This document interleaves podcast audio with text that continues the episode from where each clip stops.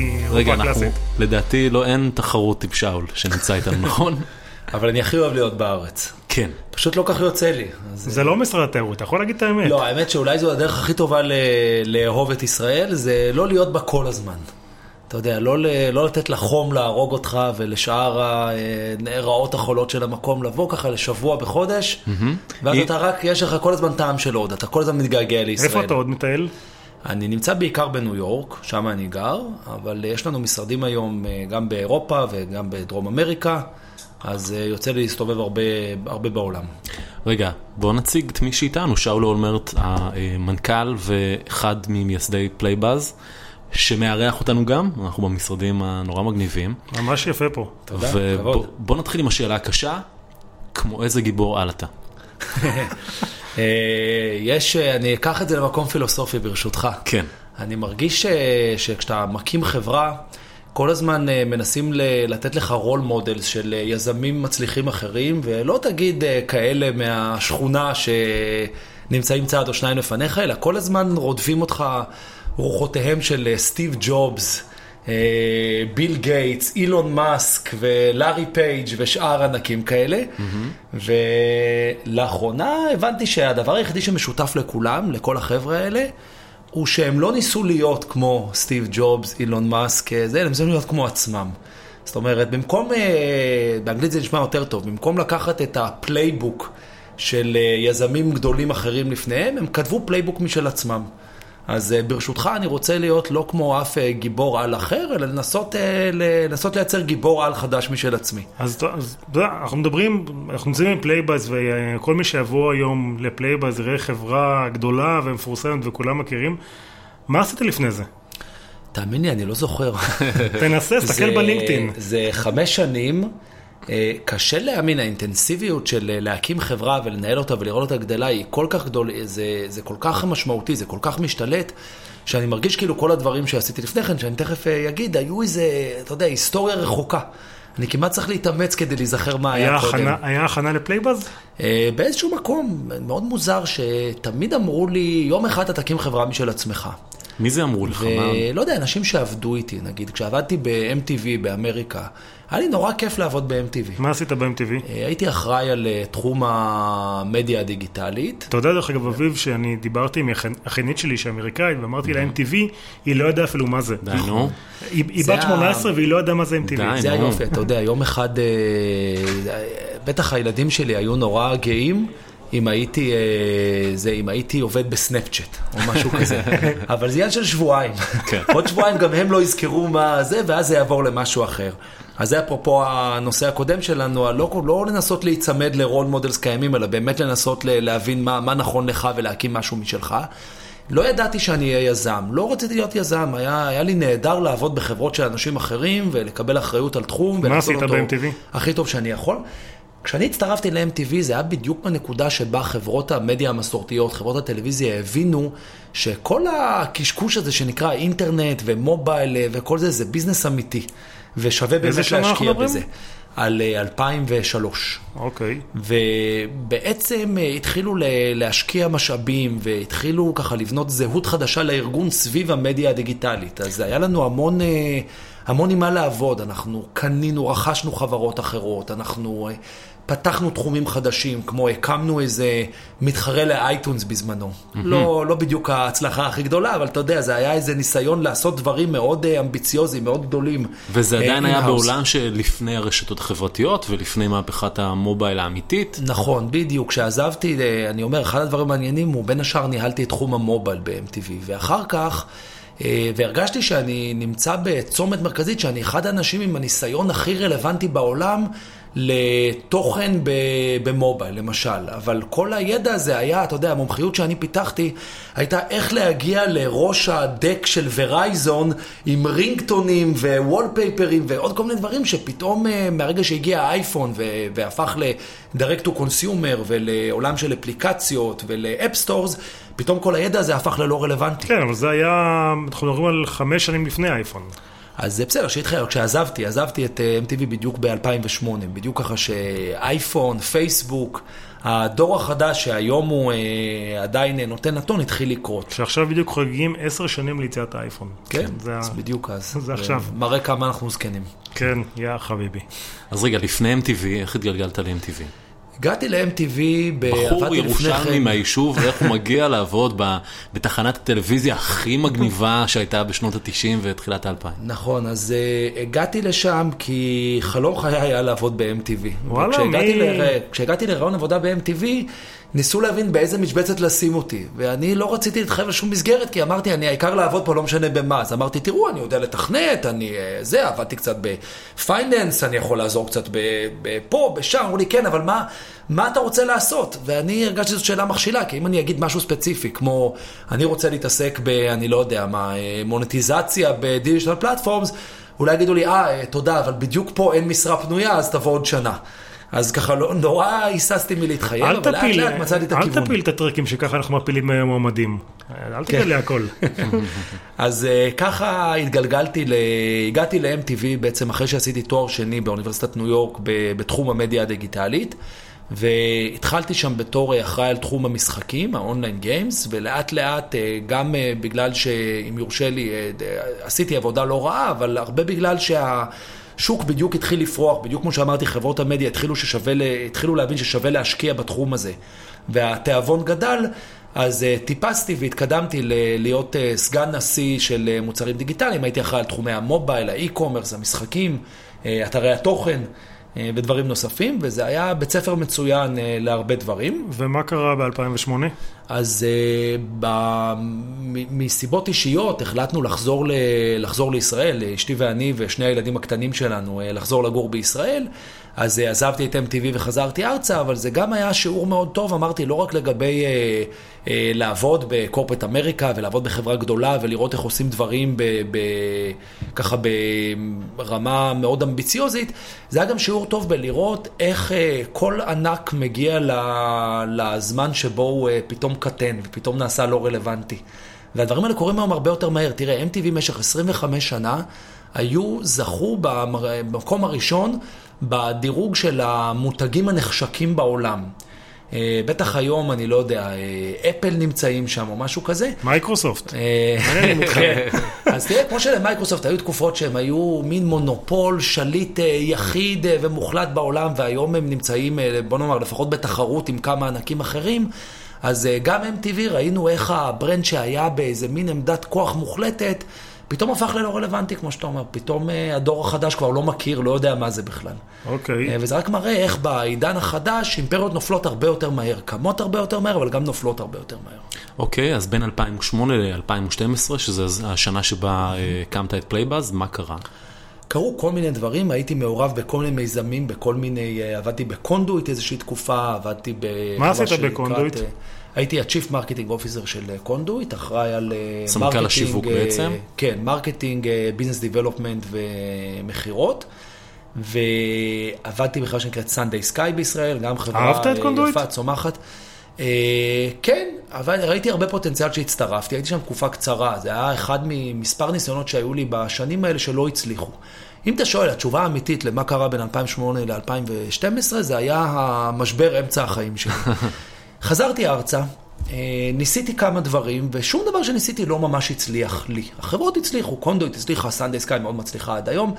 לא, אני לא מצאתי את המקום שלי, וזה היה משבר אישי מאוד מאוד קשה. כי הגעתי מאמריקה, הרגשתי שאני hot shot ושמאוד הצליח לי. גם היית hot shot באמריקה, עבדת ב-MTV, ללכת בקונדויט, למכור סרגלי כלים וכל מיני buzz'ים כאלה, זה היה נראה לך...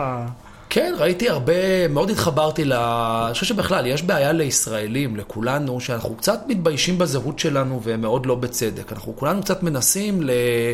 להדגיש את הצדדים הבינלאומיים. למשל, פלייבאז היום כחברה בינלאומית, הרבה פעמים אנחנו נורא מנסים ל... לא יודע, בסלייד ג'ול שלנו, במצגת למשקיעים, תמיד אנחנו מראים קודם כל את האקזקיוטיב האמריקאים, הנה, יש לנו מישהו שהיה 20 שנה.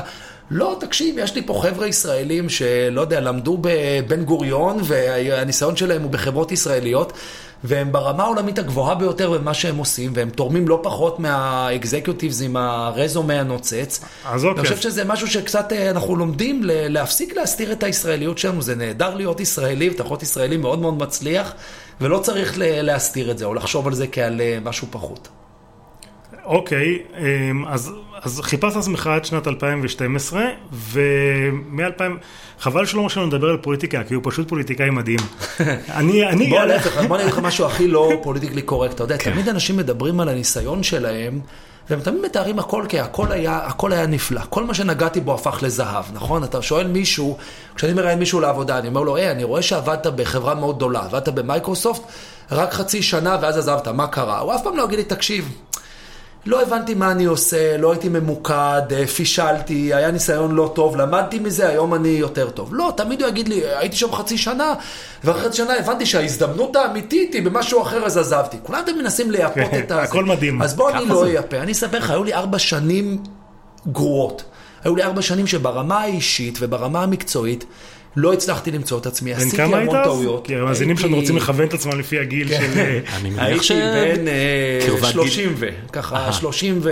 בואכה 40 או באמצע? אה, בוא נראה, מ-2008 הייתי בן 33 עד 37, אה, ובאמת, כל מה ש...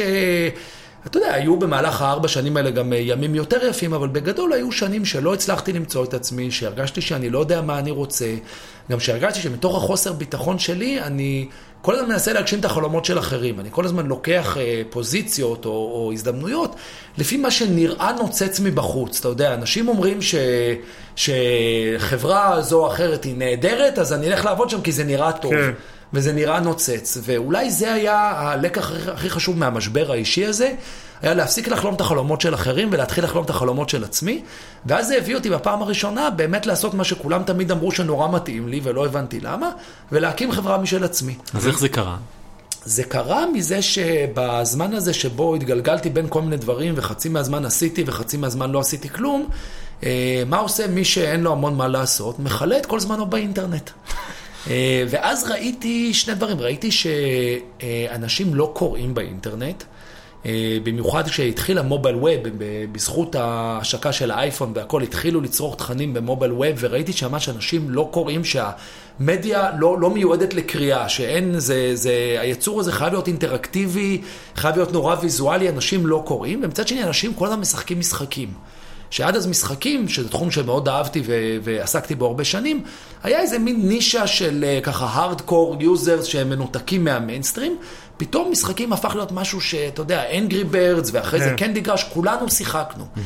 אה, ואמרתי, איך אפשר להביא את ה engagement של משחקים, את ה excitement, ההתרגשות, את החוויה של משחקים לעולמות של התוכן. ומכאן עד ה- ככה הדבר התחיל להתגלגל. והחברה במהלך ההתפתחות שלה השתנתה בהרבה מובנים, המוצר מאוד התפתח, ואני מקווה ומעריך שגם ימשיך להתפתח, אבל החזון נשאר. זאת אומרת, החברה מה... מה החזון? מהיום הראשון, החזון היה ועודנו לייצר, אה, להפוך תוכן למשהו שהוא אה, מרגש, למשהו שהוא מרתק, לגרום לאנשים לקרוא, לגרום לאנשים באמת לצרוך תוכן, לא רק לרפרף, לא רק ללחוץ על איזה כותרת נוצצת בטוויטר או בפייסבוק, בפיד שלך, ולבלות אה, 15 שניות, שזה הזמן הממוצע שאנשים מבלים היום על כתבת תוכן באינטרנט, אה, ואז לחזור חזרה, אלא באמת לייצר engagement. מה, אתה יודע, הרבה אנשים משווים אה, בצדק או לא, או לא- לא בצדק את פלייבאז ואת אה, אה, באזפיד. כן. מה ההבדל בין פלייבאז? אני חושב שהדמיון הוא שבאזפיד היא אחת החברות שהצליחה לייצר תוכן שפתאום הפך ליותר מעניין. פתאום את התכנים של הניו יורק טיימס ושל אה, אה, ענקים אחרים לא קראו, ואת התכנים של אה, באזפיד כן קראו.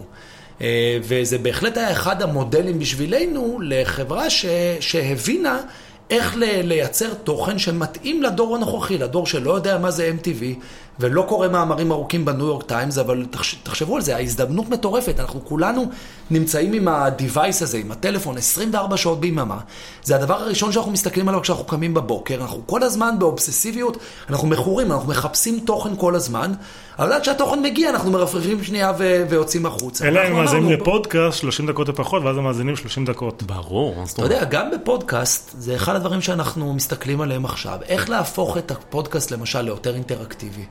אז נכון, יש כאלה ששומעים את הפודקאסט תוך כדי ריצה, ואז מידת האינטראקציה שלהם תהיה מוגבלת. אבל יש הרבה שיושבים עכשיו על המחשב, או שוכבים במיטה עם הטלפון על, אה, לידם אה, באוזניות, ומקשיבים. בואו נהפוך אותם ליותר מעורבים.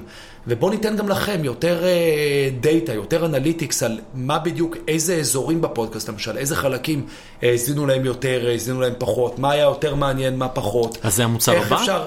גמיפיקציה של פודקאסטים? כן, אנחנו מנסים, התחלנו בהתחלה מפורמטים אינטראקטיביים כמו חידונים וסקרים, עברנו למאמרים. אז רגע, שוב פעם, אז ההבדל בין פלייבאז לבאזפיד, זה באזפיד היא חברת מדיה. היא מייצרת נכון. מדיה משל עצמה, ובעצם היא publisher, כן. שפועל במגוון ערוצים. בדיוק ככה. ב web, מובייל, פייסבוק, אינסטגרם, mm-hmm. סנאפצ'אט.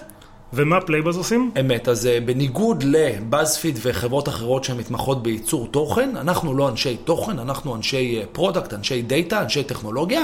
אנחנו הצגנו את סט הכלים שמאפשר לכל אחד, לא רק לחברות האלה, גם לחברות היותר מסורתיות, לייצר תוכן שהוא יותר מעניין. יותר engaging עם, עם המשתמשים שלהם. כן, באיזשהו מקום אנחנו באים לגלובס לצורך העניין, או ליצרני תוכן יותר מסורתיים, אמרו להם בואו תהיו קצת באזפיד, בואו תהיו קצת סנאפצ'אט, בואו תהיו, בואו ניתן לכם, נתרגם אתכם לדור החדש, ניתן לכם את סט הכלים, יצרנו שפה, אוקיי? פלייבאז בעצם במילה אחת זו שפה. זו שפה שמאפשרת לאנשים להתבטא באופן שהוא יותר מתאים לדור הנוכחי. אמרנו, יותר ויזואלי, יותר אינטראקטיבי, יותר snackable, לתכנים יותר קצרים, יותר ממוקדים, ותכנים שהם מאוד מאוד מוזנים מ data, ממידע, מאוד מבוססים. מי שיוצר תוכן בפלייבאז מקבל כל הזמן פידבקים על איך בדיוק אנשים צורכים את התוכן ואיך אפשר לעשות לו אופטימיזציה, לשפר אותו, כדי להביא אותו למצב שבו הוא מייצר את חוויית הצריכה האופטימלית. תגיד, איך עושים כסף מחידון סטייל? איזו מדינה הכי מתאימה לך? הכסף מגיע, כמו שאומרת הקלישה, בעקבות המשתמשים. הרי כשהגיעו, אתה יודע, אפילו כשהקימו את גוגל, לא ידעו איך יעשו מזה כסף, אבל כולם השתמשו בגוגל כדי לחפש מידע. ואז אמרו, אוקיי, אם משתמשים בזה לחפש מידע, בואו נאפשר גם לאנשים אה, אה, לקנות את האפשרות להציע את המידע שלהם. וזה הפך למודל עסקי שמגלגל היום איזה 90 מיליארד דולר בשנה. אה, כנ"ל לגבי אה, פייסבוק וסנאפצ'אט וערוצים אחרים. אז גם בפלייבאז, כשהקמנו, לא ממש ידענו, אבל אמרנו, אם... זה יעבוד. אם אנשים ישתמשו בזה, וזה ייצר חוויה שתגרום לאנשים לחזור ולחלוק ו- ולצרוך ברמה גבוהה, גם המוניטיזציה תגיע, והיא הגיעה בדיוק משם. זאת אומרת, ב- הלכנו על אותו מודל של... אה, לתת בעצם למפרסמים להשתמש באותם כלים כדי לייצר פרסומות או תוכן שיווקי שהוא יותר מעניין ויותר אינגייג'ינג. והמודל שלכם זה revenue share איתם, או שאתם מוכרים את הפלטפורמה והם עושים על זה מה שהם רוצים? אנחנו נותנים היום, אה, בעצם אה, מוכרים קמפיינים למפרסמים. בישראל למשל, רצנו, אני חושב, למעלה מ-100 קמפיינים מתחילת השנה, שזה המון. Mm-hmm. עם כל המפרסמים, באמת, אתה יודע, עם כל הבנקים וחברות הביטוח ורשתות השיווק. וכל המפרסמים הגדולים בישראל, מייצרים בעזרת פלייבאז אה, אה, תכנים שהם יותר מעניינים מהווידאוים שלהם, או המאמרים שלהם, או דברים אחרים שהרי כולנו לא כל כך אוהבים פרסומות, נכון? אז הנה בעזרת פלייבאז הם יכולים לייצר פרסומות שמשתמשים כן אוהבים. והם מבלים עליהם הרבה זמן, והם חולקים אותם, ו- ומחקרים מוכיחים שהאפקטיביות שלהם מבחינת ההיכרות עם המוצר והסבירות שהמשתמש אחר כך ירכוש את המוצר או את השירות אה, היא מאוד מאוד גבוהה. ומי מייצר את המדיה? אתם או שהם מייצרים לעצמם? אתם רק הכלי? אנחנו בעיקרון אנחנו רק הכלי, אנחנו גם מספקים שירותים של לייצר תכנים. אה, אני חושב שהחזון שלנו שבעוד כמה שנים לא נצטרך לייצר תכנים בכלל. אבל uh, כל מהפכה מתחילה בצעדים קטנים, ולבוא היום ל... ל אייג'נסי, לסוכנויות פרסום, לסוכנויות קריאייטיב ולמפרסמים עצמם, ולצפות שהם ידעו לדבור את השפה החדשה הזו אה, על בוריה מהרגע הראשון, זה לא ריאליסטי. אז הרבה פעמים אנחנו אה, מהווים איזשהו סוג של מתווך, אנחנו עוזרים להם לייצר את התכנים. אבל המטרה היא שאחרי שהם עושים איתנו קמפיין אחד, שני, שלישי, עשירי, אנחנו כבר רואים את זה, הם מפרסמים גם בארץ וגם בעולם, וכבר אומרים, אוקיי, הבנו, אנחנו יודעים להשתמש בכלים, בוא עכשיו נעבור למודל שבמקום שאתה מוכר לי קמפיין ומייצר לי אותו, אני מתחיל להשתמש לבד. אתה יודע... וזה מבחינתנו הרבה יותר סקלבילי. ברור. המפגש הראשון שלי עם שאול לדעתי היה לפני שנתיים או שלוש, במשרדים הקודמים. איפה זה הם היה היו? שלושה ארבעה משרדים, בית לוינשטיין, כן. אה, בתל אביב, לא מאוד רחוק מכאן. אה, תן לנו תמונת מצב, כאילו איך הגעתם למצב שיש לכם משרדים מגניבים לאללה פה מעל אה, שוק שרונה, כמה עובדים, איזה השקעות קיבלתם? אז אנחנו. היום, אנחנו היום 160 עובדים ברחבי העולם. כמה בערך- בישראל? בערך 100 מהם נמצאים בישראל, זאת אומרת זה עדיין המקום המרכזי שלנו. כמו שאמרתי, בהתחלה תמיד היינו אומרים, לא, אנחנו חברה אמריקאית שיש לה גם משרדים בישראל, אז לא, הנה אנחנו יוצאים מהארון, אנחנו חברה ישראלית. ומרכז החיים שלך. כאן בישראל? לא. אני ב... כמנכ"ל החברה, עיקר הפעילות שלי היום היא פחות לתוך החברה פנימה ויותר החוצה מול השוק, והשווקים המרכזיים שלנו הם אה, לאו דווקא השוק בישראל, למרות לא, אבל שהשוק, המשפחה אה, שלך. בישראל. המשפחה שלי בישראל. כלומר, קייטנות היום זה פה בת- בתל לגמרי, אביב, זה כן. לא... גם הילדים שלי את רוב הקיץ מבלים אה, איתי בניו יורק, אבל במהלך השנה אני הרבה יותר נמצא כאן בישראל גם כן. אתה יודע, התפיסה הזאת של אה, להגיד, לצפות שאדם תהיה לו כתובת אחת, שהוא גר במקום אחד, זה גם משהו קצת של העולם הישן. כולנו גדלנו ככה, אבל בעולם הנוכחי, בגלל הגלובליזציה, בגלל הטכנולוגיה, בגלל התעופה, אה, היום יש אנשים כמוני שלא חיים רק במקום אחד. אני בפירוש חי גם בניו יורק, יש לי דירות גם בניו יורק, גם בלונדון וגם בתל אביב. וגם בגייט נמצא- בנתב"ג. ב- לגמרי, זה הרבה באוויר. אוקיי, אז 160 עובדים, כמה כסף גייסתם עד היום? 160 עובדים, גייסנו עד היום 31 מיליון דולר. מי המשקיעים אה, המרכזיים? משקיעים, הסיבוב האחרון שלנו הובל על ידי אה, סבן ונצ'רס, קרן ההשקעות של חיים סבן, ועל ידי אה, דיסני, חברת אה, דיסני מאמריקה. אה, חוץ זה השקיעו בנו גם אה, מספר קרנות ישראליות ומספר משקיעים פרטיים.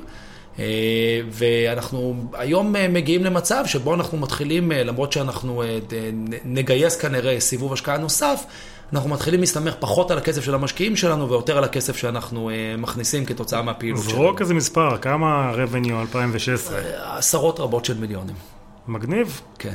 ואתה יודע, אנחנו רגילים, בטח אני, מייקרוסופט, שאנחנו רואים הרבה סטארט-אפים, כולם מדברים איתנו cyber security, deep learning, AI. Whatever. כן, אבל אה, אוקיי, אני קוטע אותך שנייה, סליחה. לפני שלוש שנים זה היה משהו אחר. נכון? לא, לפני אה, חמש לא, שנים לא זה... נכון, גם לפני שלוש שנים היית מגיע ואומר, אני רוצה לבנות חברת אה, מדיה. מדיה, כן. היו אומרים לך, אדוני, הנה הדלת, כן. בבקשה. זה לא לך." מספיק טכנולוגי. כן.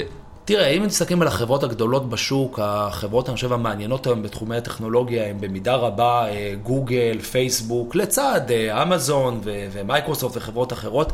יש מקום גם ל enterprise software, גם ל consumer media, גם נכון, אבל לאפליקציות. הח- החוזקה של ישראל, ואני גם מדבר המון עם נכון. קרנות, אז הם אומרים לי, תביא לי deep טכנולוגי. אני אגיד לך, יש משהו ב... מה סיפרת להם? ב- בעולם של לפני אה, הרבה שנים, בעולם שבו אה, אתה ואני גדלנו, היה לנו מעט מאוד במשותף עם אנשים שגדלו במקומות אחרים בעולם, והסיכוי שהיינו יכולים לייצר משהו שיהיה חוויה למשתמש בארץ זרה היה מאוד מאוד נמוך, כי גדלנו ממש ב- ביקומים מקבילים. היום ילד שגדל בישראל וילד שגדל בסן פרנסיסקו או בטוקיו, הם חשופים, הם כולם משתמשים באותן רשתות חברתיות, הם חשופים לאותם תכנים. הם צורכים, יש עדיין הבדלים תרבותיים והיסטוריים ואחרים, אבל רב המשותף על המפריד. ולכן זה מאפשר להמון יזמים ממדינות אחרות לייצר דברים שפונים גם לשוק הצרכני. אז את הכסף הראשון גייסת בישראל או בחו"ל? כן. בישראל. ועד כמה זה היה קשה? כי כשפגשתי את שאול פעם קודמת, הוא אמר לי שגם כשזה נראה הכי קל בעולם ומשקיעים צובעים על הדלתות, כן. זה קשה. לגמרי. אה, שום דבר לא קל, אתה יודע, גם אה, יש לי תמיד אה, שבאים אליי החבר'ה שעובדים איתי, ואומרים לי, תקשיב, אתה תכננו עד סוף הרבעון לעשות ככה וככה, אבל זה מאוד קשה. אני אומר להם, קשה, נהדר, מזל ששחר, אם זה היה קל, הייתי שוכר אנשים יותר זולים. אז אה, אם אתה רוצה להצליח, בטח באספירציות שיש לנו, של להפוך לחברה בינלאומית, אה, גלובלית, גדולה ושאפתנית, אה, זה מאוד קשה. ולגייס כסף אה, ספציפית זה, זה תמיד דבר מאוד מאוד קשה. כי למרות שלפעמים התוצאות מדברות בעד עצמן. עדיין, וה- עדיין, עדיין היום אתה יכול להגיד קשה לגייס כסף? כן, אני יכול להגיד לך, אנחנו אה, אה, רוצים לגייס סיבוב השקעה נוסף, וזה לא יהיה קל, אני מאמין שנעשה את זה, אני מאמין שנעשה את זה עם משקיעים נכונים, בתנאים טובים, אבל אתה יודע, תסתכל עליך, עלם חמודות, חלומה של כל אם יהודייה? ועדיין? אה, אני מניח רגע, הוא מצביע על נבות, לא ש- עליי, כן. שחיפשת את האחת והיחידה ל- להתחתן איתה, אה, זה, או להיות בן זוג, אה, זה לא דבר קל. זאת אומרת, תמיד זה, זה צריך שהרבה מאוד נסיבות יתאימו, ו- וצריך לסנן הרבה מאוד רעש מסביב. אה, וזה לא קל, שאנחנו גם בכלל חיים בשוק, אם אנחנו חוזרים ככה מעולם ה dating לשוק המדיה, זה שוק לא קל, זה שוק שהיום יש בו שתי שחקניות מרכזיות, גוגל ופייסבוק, ששולטות שלטון מאוד מרוכז ומאוד אכזרי. בשוק הזה. ומאוד יעיל גם. רגע, אנשים לא מבינים. תראה, אפילו, רק סליחה של להבין, אפילו חברה כמו מייקרוסופט עשה בעצם outsourcing של כל תחום המדיה שלה, שהוא לא מבוטל בכלל בהיקף שלו, ואמרה בתחום הדיגיטל, נתנו את זה ל-AOL, שהפך ל-Verizon, הפך ל-OS, או איך שקוראים לזה היום, אמרו בואו תנהלו להם את זה, תנהלו לנו את זה אתם, לנו אין כוח להיכנס לזה. רק כדי להראות לך כמה העולם הזה, שנראה נורא זמין ונורא קל וכולנו מכירים אותו, הוא עולם מאוד מורכב ומאתגר. איזה, איזה אחוז מהתכנים, אנשים לא, לא נראה לי שמבינים שהמדיה, רוב, רוב ה traffic מגיע מ social networks, נכון? נכון, היום כשמדובר על content discovery, uh, היום כולנו מכירים, רוב הכתבות שאנחנו צורכים, ורוב הווידאוים שאנחנו רואים מגיעים כתוצאה מ sharing ברשתות חברתיות. בדרך כלל פייסבוק, במידה פחותה סנאפצ'אט uh, וטוויטר. ואם, אה, אתה יודע, אם תיקח את כל תעבורת האינטרנט שיצאה מהטלפון הנייד שלך בחודש מסוים, אתה תראה שרוב רובה, רוב רובם של אה, התכנים שצרכת, הם תכנים שגילית כתוצאה משיטוט ברשתות חברתיות.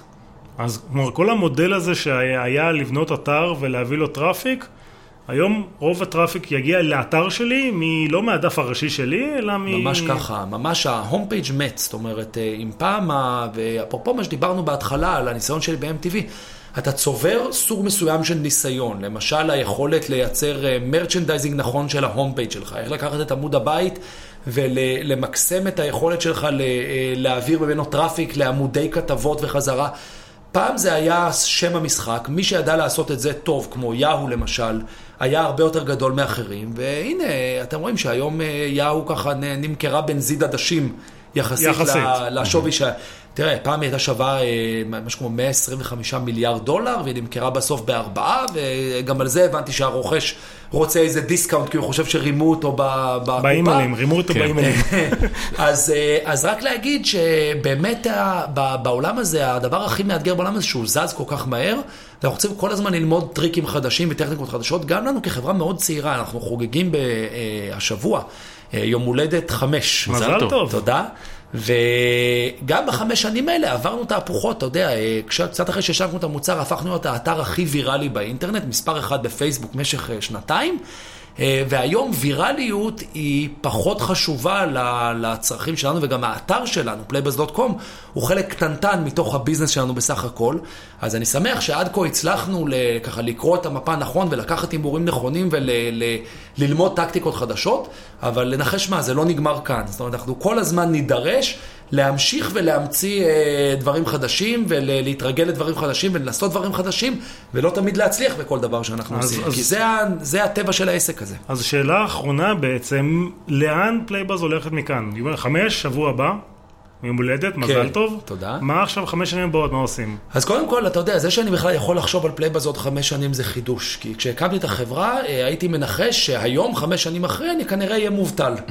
אה, סטטיסטית, נכון, כן. סטטיסטית, אה, הסיכויים נגדך. והיום אנחנו נמצאים במצב שבו יש לנו בסיס מספיק חזק, גם ברמת ההנהלה, קודם כל ברמת ההנהלה, העובדים. אבל גם ברמת אה, הערך של המותג שלנו בשוק, ה partnerships, השותפויות שיצרנו עם uh, גורמים בכל העולם, המודל העסקי שלנו, ההכנסות וכל השאר, שאנחנו יודעים שאנחנו, שלביזנס יש uh, איזשהו... Uh, אופק שאפשר לראות אותו ואפשר לתכנן אותו. ספציפית לשאלה שלך, אנחנו אה, אה, ממשיכים במלוא הקיטור לתרגם את, אנחנו קוראים לזה, אני כל הזמן חושב באנגלית, אז אני מנסה ככה לתרגם לעברית אה, תוך כדי, אנחנו רוצים לתרגם את ה-engagement ל-monetization, זאת אומרת... בהצלחה להגיד את זה בעברית, אם אתה מצליח להגיד את זה בעברית, מה שאתה רוצה. נכון. תגיד, אה, שאול, חמש שנים קדימה, עשר שנים קדימה, מה הסיכוי שנראה את שאול אולמרט בפוליטיקה? באפס. אפס. אתה יודע, זה אותו סיכוי שהיה לפני 20 שנה או 30 שנה או כל דבר אחר. איך? תן לי, אני אחזיר לך בשאלה אישית, במה עוסק אביך? מהנדס? מהנדס. מה הסיכוי שנראה אותך בתור מהנדס? תשמע, הנדסה צריך ללמוד. פוליטיקה, כן. נולדים עם זה ואפשר לגדול לתוך המקצוע תשמע, הזה. תשמע, כל מקצוע הזה דורש איזה שהם כישורים שחלקם כנראה מולדים, ו- ורובם דורשים לימוד, או בין אם זה לימוד אקדמי או לימוד תוך כדי עבודה. בסופו של דבר, אני חושב, אה, בהקשר לשאלה שאיתה פתחת, אה, אני לא חי את החיים לא של אבא שלי ולא של אה, סטיב ג'ובס ולא של אף אחד אחר, אלא מנסה לחיות את החיים שלי ולהבין, וכמו שסיפרתי לך, לא תמיד זה היה לי קל, להבין מה נכון לי ומה אני רוצה ומה באמת יעשה אותי מאושר. זה בגלל שהפוליטיקה היא כל כך אכזרית, או... לא, אתה יודע, זה, אתה השאלה הזאת מביכה אותי תמיד, כי אני אומר, זה נורא מוזר. אני, זה, אבא, אתה יודע, אבא של נבות עבד כל החיים בדואר. ונבות- בקיבוץ, הלו. בקיבוץ, בבקשה. ונבות מעולם לא חשב שלחלוב פרות בארבע בבוקר, זה, זה בכלל לא נראה לו אופציה. עכשיו, שואלים, אני אומר לך, תגיד, מה, מה רע בפרה? מה, מה, היא לא, היא לא טעימה? היא לא אה, נחמדה? לא, פשוט לא עניין, עניינו אותך דברים אחרים. אז כנ"ל גם אני. אני חושב שאני מסתכל עליו ואני רואה בן אדם מאושר.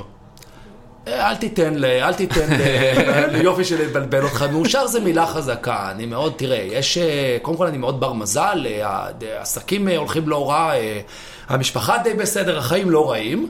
אבל אתה יודע, החיים זה, אני חושב, לא חושב שצריך להפעיל הרבה את הדמיון כדי לנחש שגם אני, כמו כל אחד, מתמודד בחיים עם כל מיני דברים נעימים יותר ונעימים פחות.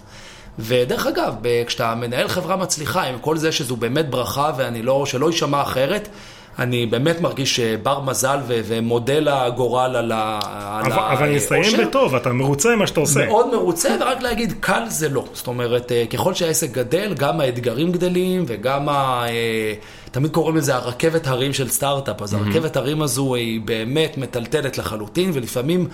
בתוך יום אחד אני עובר ממצבי קיצון של אה, אופוריה לדיכאון מוחלט, צריכים לאהוב את זה. זה חלק, מה, זה חלק מהמקצוע, ואם אה, לומדים אה, לאהוב את זה, אז גם לומדים אה, לאט לאט להתרגל לזה. ומי שלא מוכן לזה, שלא ייכנס לביזנס הזה. אמת. טוב, תודה רבה, אביב.